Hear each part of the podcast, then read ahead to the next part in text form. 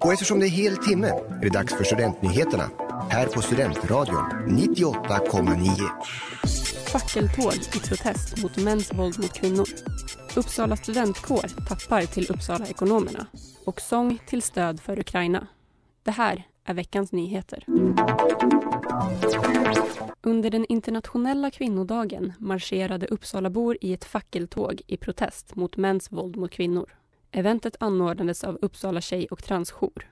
Under eventet hölls tal och Uppsala feministkör framförde musik. Demonstranter gick med skyltar och ljus.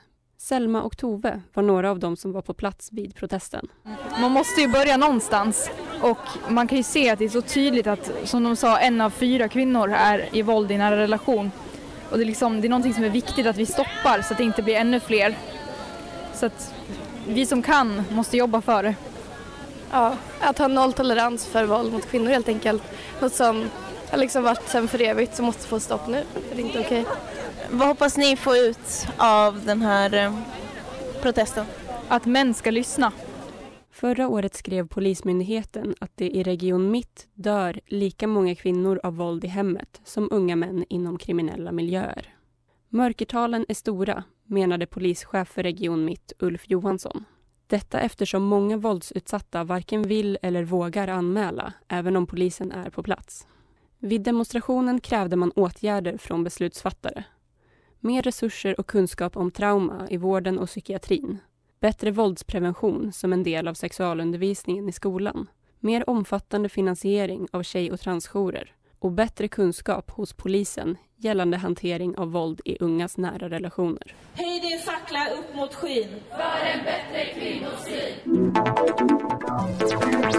Uppsala Ekonomerna får kårstatus för Ekonomisk-historiska institutionen. Det rapporterar Ergo.